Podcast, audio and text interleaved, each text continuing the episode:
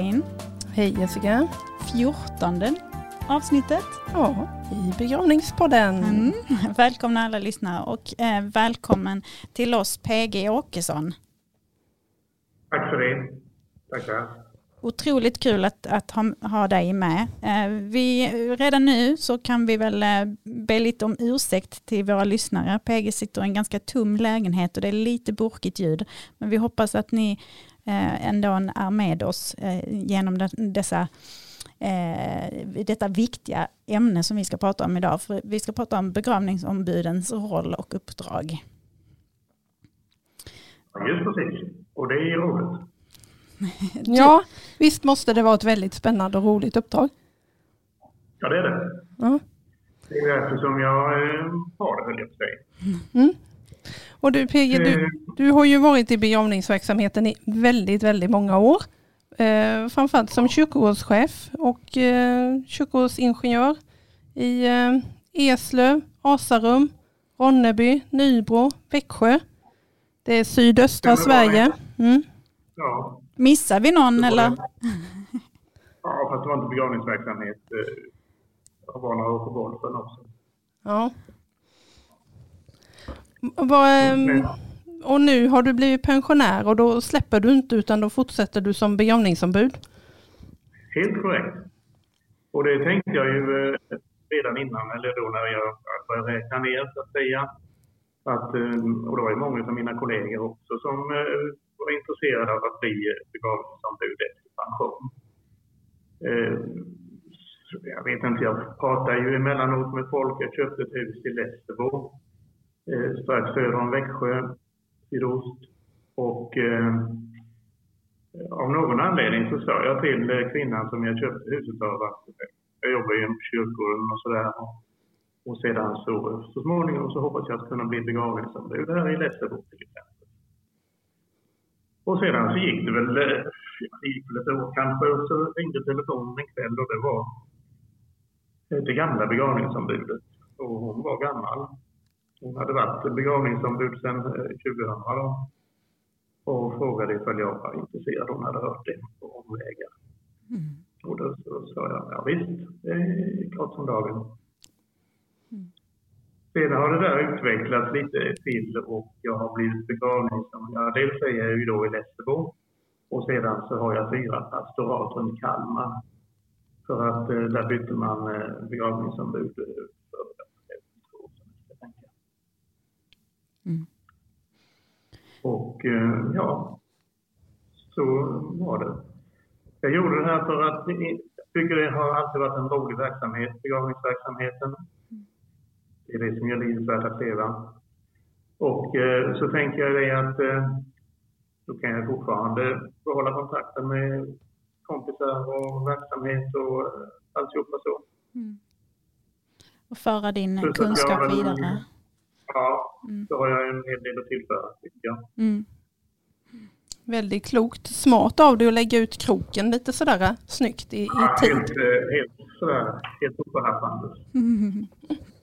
Men vi behöver ha lite eh, bakgrund här. Eh, begravningsombud, ehm, det har inte funnits alltid. När, ehm, hur lång är det här uppdraget?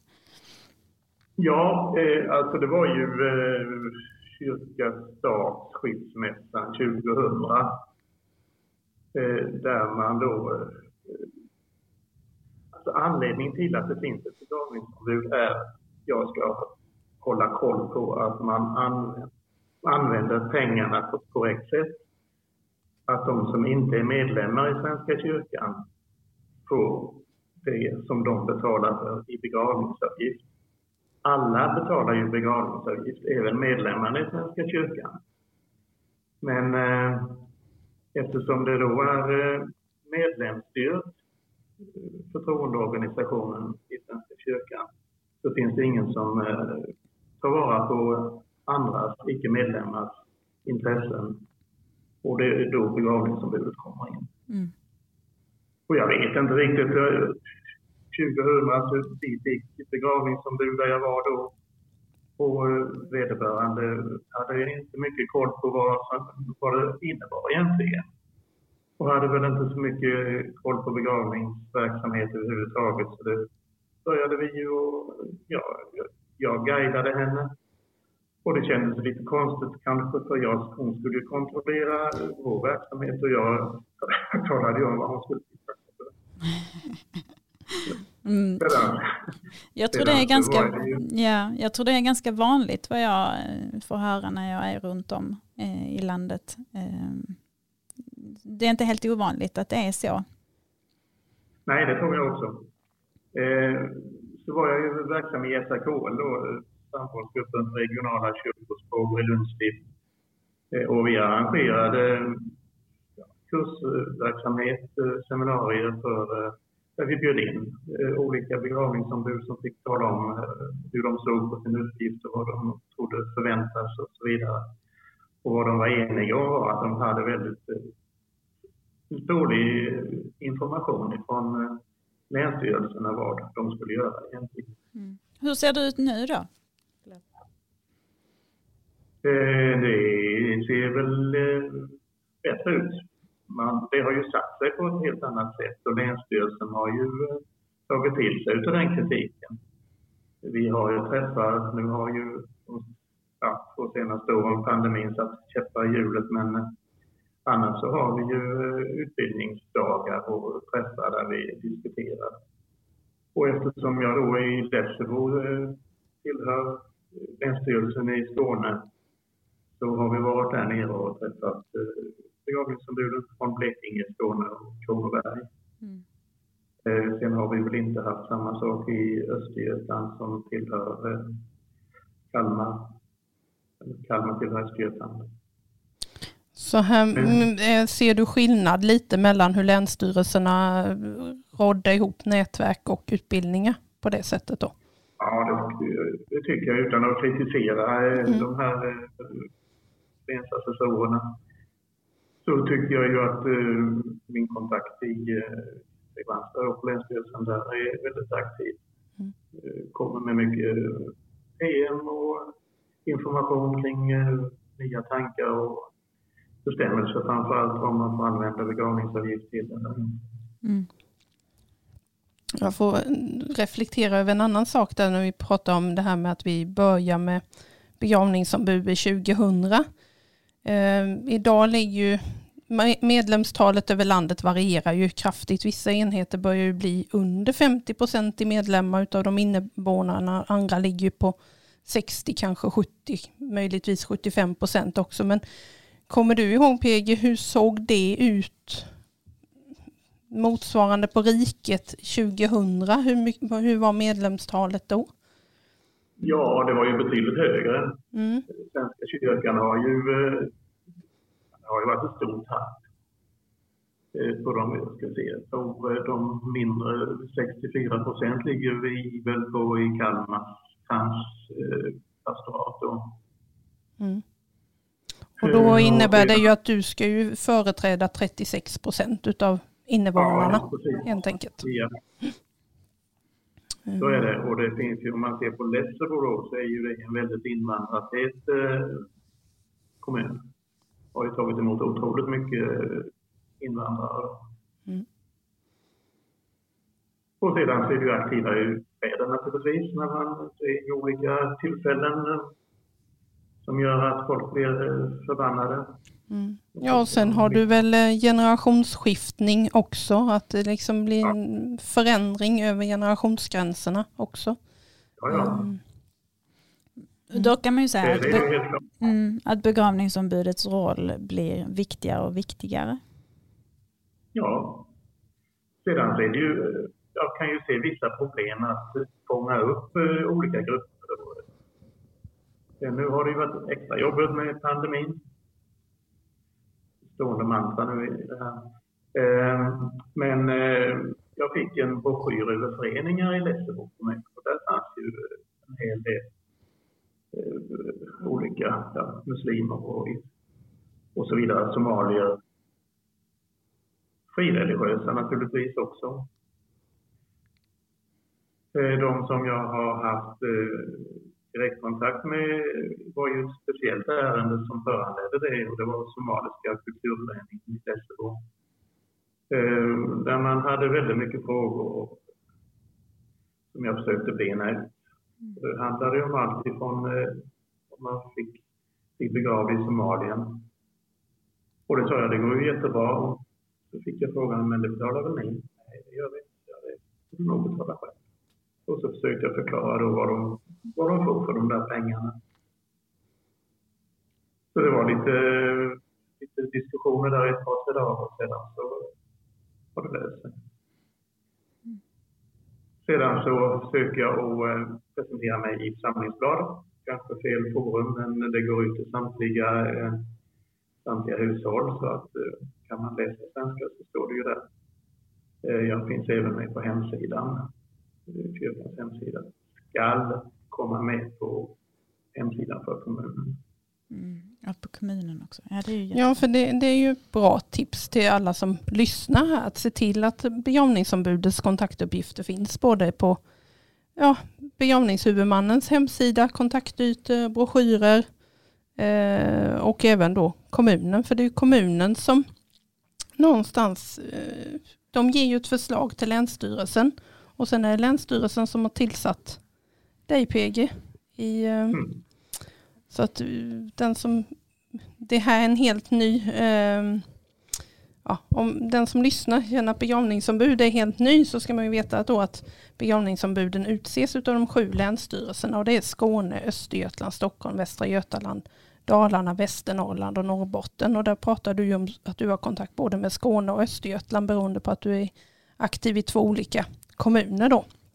Och det är ju sedan några år tillbaka där man liksom tog bort att inte, ja, slutade ha alla länsstyrelser involverade i detta utan man nischade in att sakkunskapen finns på de här sju länsstyrelserna både när det gäller medlingsfrågor och begravningstillsynen utav, eller tillsättande av begravningsombuden.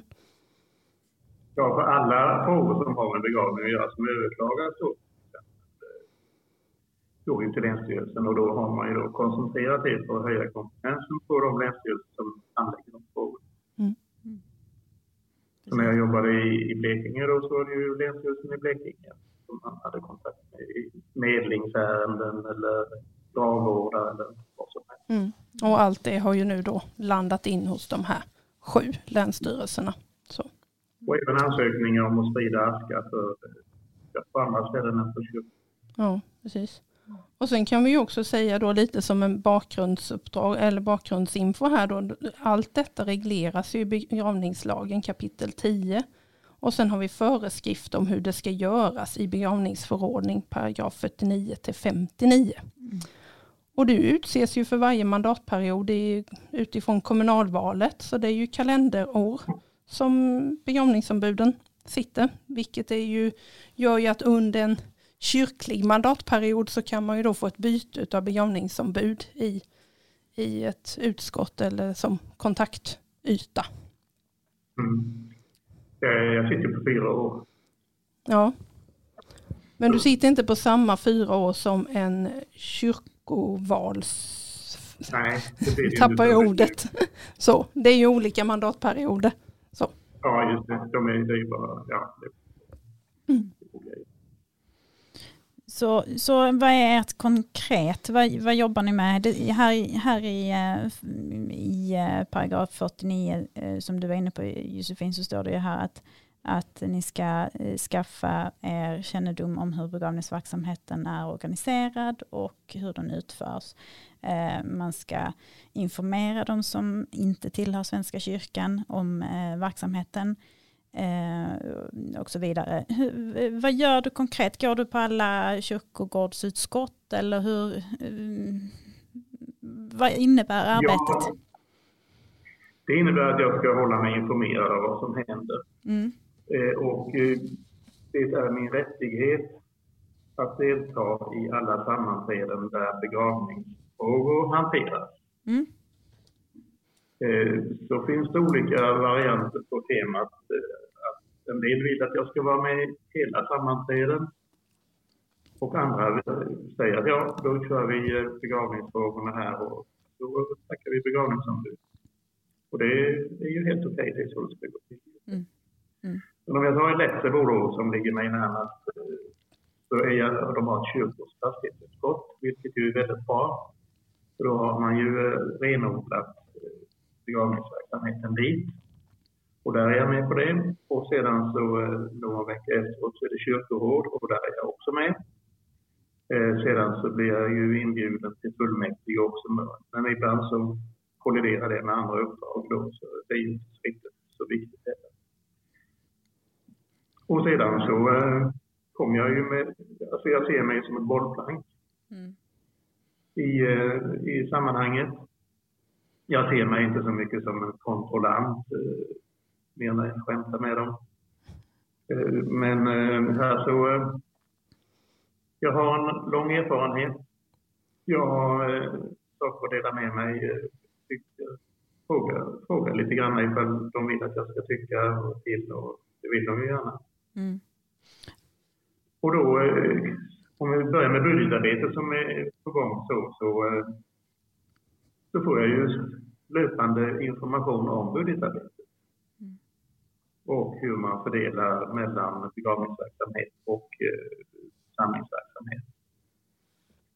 Och sedan så resulterar ju det så småningom i en färdig budget och då ska jag eh, fälla ett utlåtande kring det ifall jag tycker att det är okej okay, eller ifall jag har synpunkter på det.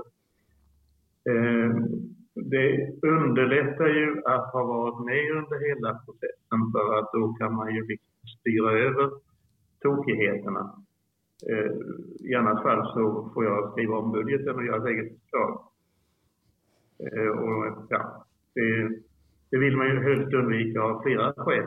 Dels eget skäl och dels för eh, pastoratets eller samlingens del. Mm. Det låter ganska omfattande att göra det. Mm. Ja, det tycker jag. Då underlättar det ju att vara med på hela resan och ha begravningsombudet som bollplank och stöd i. Så man vet att de här olika grejerna är förankrade i, i förväg. Ja. Så. Ja visst. Och de lyssnar ju på mig eh, också. Det gäller ju att argumentera på rätt sätt. Om man till exempel, då, ett konkret exempel då, så eh, budgeterades för att skapa en ny belysning på kyrka och kyrkogård. Då lade man raskt över alla utgifterna på kyrkogården. Och då jag, det där ska vi nog ta och dela lite på. Och så gjorde vi det. Mm. Och det är rätt, alltså mycket ska gå på kyrkan och resten ska gå på kyrkogården. Mm. Jättebra. Och där gäller det ju att ha detaljkoll och det har du ju tack vare din bakgrund då men för ett helt nytt begravningsombud från en annan bransch så är det ju svårt att se vad är kyrklig verksamhet och vad är begravningsverksamhet. Men det behöver ja. man ju lära sig och ta sig in i för att kunna göra det uppdrag som man är satt till att göra. Länsstyrelsen har ju eh, kurser för nya begravningsombud. Så, så att eh, i två olika två dagar tror jag det är. Okay. Mm. Och så finns det ju en podd som man kan lyssna på som begravningsombud. Mm. Vårt avsnitt ett beskriver ju faktiskt vad begravningsverksamheten är. Ja, det mm. försöker vi ju med. Och många andra Så. avsnitt också tar vi upp vad som är begravningsverksamhet och, och inte. Mm. Mm. Um, om, vi, om vi går vidare sen i processen så är ju budgeten färdig. Och så blir det ju raskt ett bokslut. Och då är jag ju med på det genomgång av bokslutsarbetet och kontrollera. Och då har jag ju varit med i att lägga upp budgeten och får ju rapporter löpande under året hur man ligger till ekonomiskt. Och då blir det ju betydligt enklare för mig att kontrollera vad, vad som finns. Alltså ifall det finns några tokigheter, någonting som har gått fel, eh, varför det blir fel siffror där. Och då vill jag ju ha reda på det naturligtvis. Om man har budgeterat eh, x antal pengar eh, till verksamheten och man har ett eh, otroligt överskott av de pengarna så vill jag ju veta varför, varför gick inte de pengarna åt? För att hur som helst så ska man ju försöka att eh, sikta så nära målet som möjligt i budget. Och sedan så är det ju en eftersläpning där på två år som eh, pengarna står och sen ska betalas tillbaka. Mm. Och du, i det här med budget och bokslut har du ju även kontakt med revisorerna. Det är ju sedan något år tillbaka en eh, föreskriven grej, eh, kontakt ja. som ska vara. Ja, och då så besöker jag ju eh, den auktoriserade revisorn. Och eh, så har jag ju från Länsstyrelsen ett batteri med frågor, frågeställningar. Det finns en speciell blankett också med de här frågeställningarna på. Sen ska man göra egna konklusioner och man ska även referera till revisorns konklusioner och slutsatser eh, som han har gjort. En del revisorer eh, är lätta att prata med och eh, intresserade andra är lite mer sådär att ah, har han ska För de detaljgranskar ju inte allting. Men jag vet inte, den senaste genomgången med revisorerna tyckte jag funkade mycket bra. Så. Mm. Man lär ju känna varandra också. Det ska jag ha gjort. Själva diskussionen med revisorerna ska jag ha gjort senast den 15 april. Och sedan så ska jag skriva hela rapporten till Länsstyrelsen eh, senast den sista, sista maj. 15 maj eller vad? Förlåt mig. Mm. Den är inlämnad i alla fall. Den är inlämnad, ja faktiskt. Och sen, innan. sen som huvudman så får man ju alla mm, begravningsombudens eh, rapporter, eller i alla fall i Kronobergs län så får man ut begravningsombudens rapporter till sig eh, i slutet på året. Så jobbar man hos huvudman så, eller är förtroendevald så kan man ju få, få läsa hur, hur utfallet blev där. Ja, jag har eh, delat ut det också. Mm. Vad, vad, eh, vad, skriver man i dem? Vad, vad kan där stå för matnyttigt? Ja, men det kan ju vara om man har ombudet har tillstyrkt förslag eller har du behövt avstyrka förslag eller ja, tillstyrka, avstyrka budget? Och motiverat. Ja, man, det är ju en, en utredning kring eh, budgeten helt enkelt och hur man hanterar pengarna. Om man gör det på ett korrekt sätt. Det finns ju en rätt så stor passus eh, där man redovisar, eh, vi har ju arvoden beroende på hur stor eh, pastoratet är och sedan så har vi en sammanträdesarvode för varje sam protokollfört sammanträde som vi är på. Och det presenterar vi där också. Vi skriver ungefär hur många timmar vi har lagt ner på respektive pastorat. Sen så är det en massa reseersättningar och sånt där mm. också, alltså vilka kostnader vi har haft. Mm. Och de kostnaderna tar ju begravningshuvudmännen sen. Det är ju inte Länsstyrelsen som tar de kostnaderna utan det är ju huvudmännen som får betala ut den ersättningen. Ja. Mm. Länsstyrelsen har det ju så smidigt att de talar om vad vi ska göra och vad vi ska gå på. Och huvudmännen betalar. Tänk om fler hade haft det så. Inte det. Men du, Pegge, du har ju varit med i den här verksamheten nu eh, på olika sätt i 20 år. Eh, vi har ju ett samhälle som blir mer och mer mångkulturellt. Hur påverkar det vårt uppdrag? Ja, alltså det är ju fascinerande egentligen. Jag kommer ihåg då när eh, slutet på 90-talet så fanns det någonting, det fanns det tidigare också, något som heter Stiftssamfälligheten som eh, ansvarade för muslimska begravningar till exempel. Och då så eh, hade man, att, hade man ett område, jag var i Ronneby då och vi var ju ett upptagningsområde i stort sett för Blekinge där eh, vi skulle tillhandahålla muslimska gravar.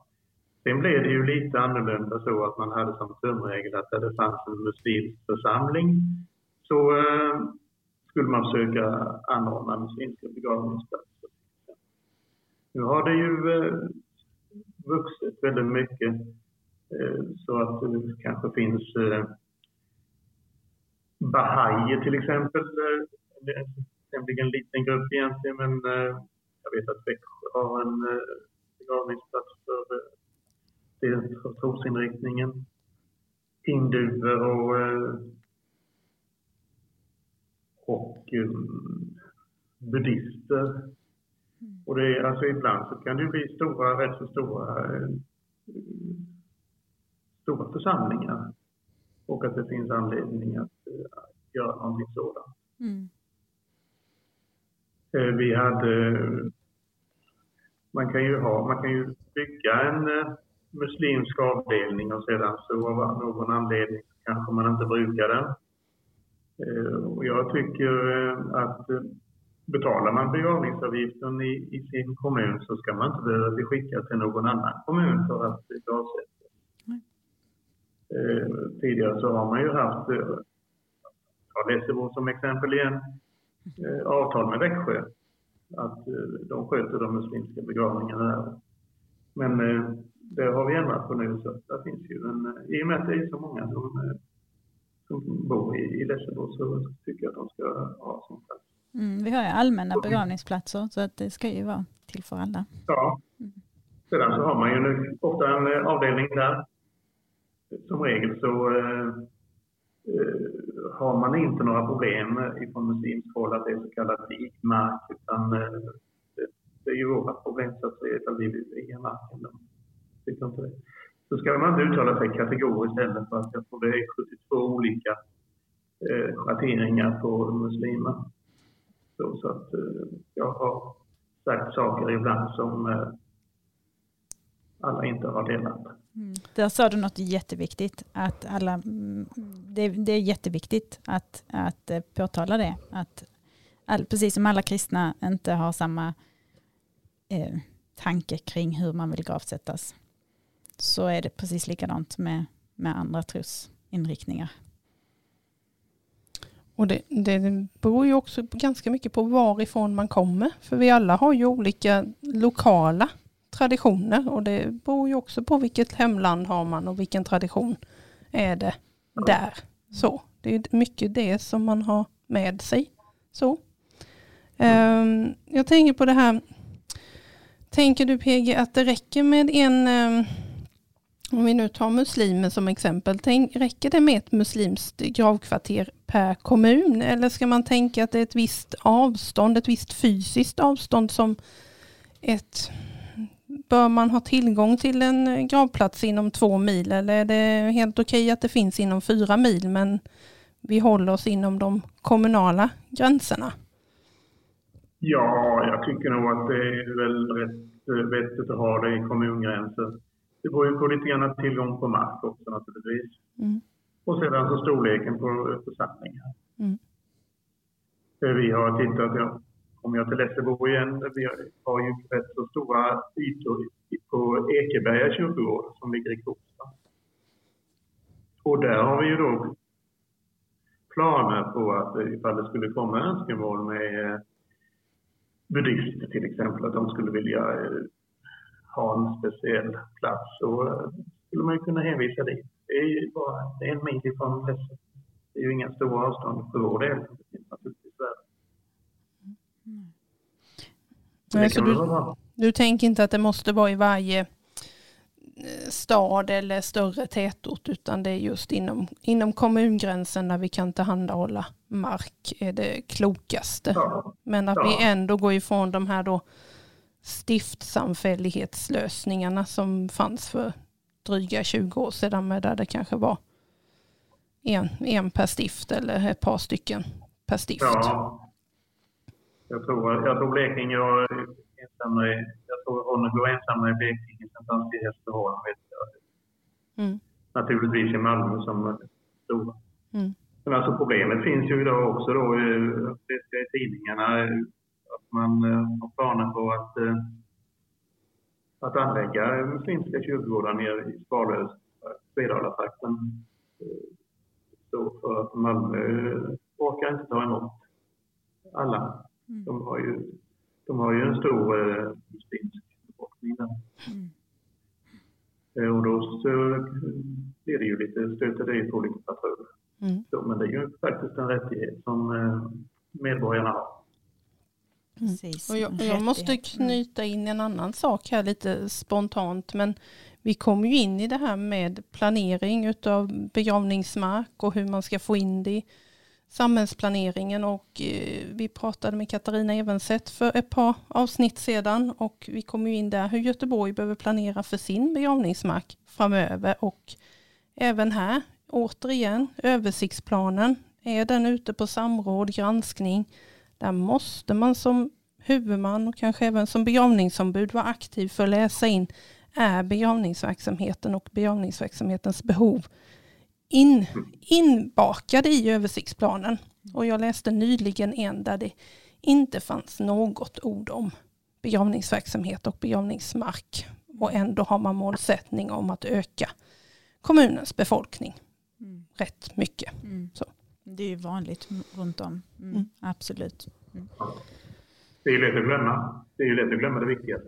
Ja, men här måste man ju vara på tårna när det är både översiktsplaner och detaljplaner som eh, påverkar mm. Eh, förvaltandet. Mm. Ja. Mm. Mycket mm, intressant eh, och viktiga punkter du tar upp här PG. Om vi fångar lite mer vad uppdraget omfattar, det är ju väldigt mycket PG. Du har varit inne på en hel del, men du åker på utbildningar, studiebesök för att hålla dig ajour, tänker jag. Ja, så mycket, det har ju inte varit så mycket nu på senare tid. Det är ju ehm. SKKFs eh, riksmöte, där är ju en speciell förmiddag, där några timmar som är vikt för begravningsombud. Vi träffar oss och höra på de eh, nyheter som finns. Och det är bra. Mm. Och sen är det väl också... Sen, länsstyrelsen har ju också möten då, som jag nämnde tidigare, mm. där man träffas och utbyter erfarenheter och så vidare.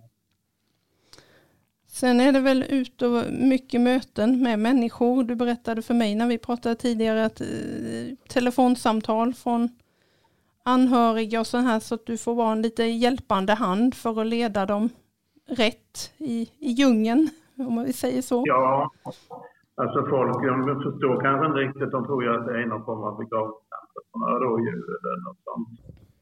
Eh, men eh, man ringer till mig och vill prata djursättningar och gravplats och så vidare. Så, och då förklarar jag vad det är för regler och vad det är för eh, vad man ska tänka på och så vidare. Men att jag kan ju inte hjälpa dem att boka utan det hänvisar jag expeditionen på kyrkogårdsförvaltningen. Mm. Och sedan så när det gäller utbildning så, så är det otroligt viktigt att all personal inom begravningsverksamheten får utbildning eh, så att man vet hur man ska dels eh, hantera de sörjande eh, och dels hantera sig själv. Att, att stå och titta helt, en hel personalgrupp på en begravning är ju inte roligt. Det vill ju ingen vara med om egentligen. Så, och man, eh, av att man är intresserad av hur det går till. Mm. Vi arrangerade en kursdag med SKKFs främmande, vad heter det, andra trosbekännare. Det är en begravningsentreprenör och det är ju Ingvar Pettersson som håller i den mycket bra. Mm. Hela dagen. Eh, och det är ju väldigt eh, fokuserat på Malmö-förhållanden naturligtvis. Men eh, det öppnar ju upp väldigt mycket för olika seder och sedvänjor och hur man kanske tänker. Ja, och det är väl väldigt bra att både göra studiebesök hos grannpastorat eller större förvaltningar men också få ha utbildningar på hemmaplan. Att kunna ja. ha lite workshop, våga kunna prata med sina kollegor när det dyker upp frågeställningar. Men hur hanterar vi detta eller hur hanterar vi det? Och känna sig trygga mm. inför, innan man står i olika situationer. Utan man är, man är ja. förberedd och har kunskap. Mm. Jag deltar också i eh, samrådsmöten med begravningsentreprenörer och eh, personal, präster också. Och det tycker jag är värdefullt. Mm. Och det, då får jag flika in från min bakgrund att det är ju supervärdefullt att ha med begravningsombudet i det läget. Har man både medicinskt ansvarig sköterska och lite annat personal ifrån sjukvårdshuvudmän och ja, alla aktörer, alla huvudmäns eh, representanter i en kommun. Det kan ju vara ett antal huvudmän inom en kommun och då är det väldigt bra att alla kommer samman ihop med begravningsentreprenörerna för att och det är jättebra att ha med begravningsombudet i... Eh, ja, det är bra att få ett ansikte på vederbörande. Mm. Ja, jag tänker det... Begravningsombud. Mm. Ja, det underlättar. Så. Ja, vi pratade samverkan där. Om vi växlar ämne lite tvärt här. Så eh, när vi är ute på kyrkogårdar och vi har börjat prata om neutrala kyrkogårdar och gravkvarter. Um, ibland så dyker det upp att man ser antingen minneslundar eller askgravlundar eller andra gemensamma gravområden som har bibeltext eller psalmvers eller andra citat. Um, hur ska vi tänka där framöver i vårt gestaltande? Är det, om vi nu tänker in allas eh, begravningsplats och det är en allmän begravningsplats. Hur, hur tänker du PG i de här frågorna? Ja, alltså jag tycker ju man då tänker Askavlunda och Askavplats och Minneslunda eh, bör man ju hålla neutrala. För att eh, det, och det kanske, det kommer ju knappast dit några muslimska trosbekännare eftersom de inte kremerar. Eh, däremot eh, så finns det ju svenska sekulariserade humanister till exempel. Ateister? Ateister, ja. Vanliga, vanliga människor som inte har någon tro och som kanske stör sig på någon eh, gud bibeltext. Mm. Då tycker jag man kan göra en eh, väldigt trevlig anläggning med eh, något citat ifrån någon skald eller diktare. Bo Zetterlind på genom min skalle. Och det finns ju andra också. Ja, Harry Martinsson. Mm. Ja, och man behöver ju inte ha någon text heller, men det kan ju vara ett förhöjande del i ett konstverk eller utsmyckning av en plats. Många gånger man vill, man vill ha en liten, eh, liten text med. Mm. Mm. Så du, din rekommendation är eh, symbolneutrala platser? Så. Ja, men, ja, Eh, sedan så kan man ju tänka sig eh, att, att ha stort kors. Det tycker jag väl inte är riktigt bra i, i sådana platser. Men om man samtidigt har en återvunnen gravsten med något intressant, eh, någon intressant symbol då, kanske i form av ett sorts kors. Så eh, för min del så symboliserar ju korset i det sammanhanget döden. Mm.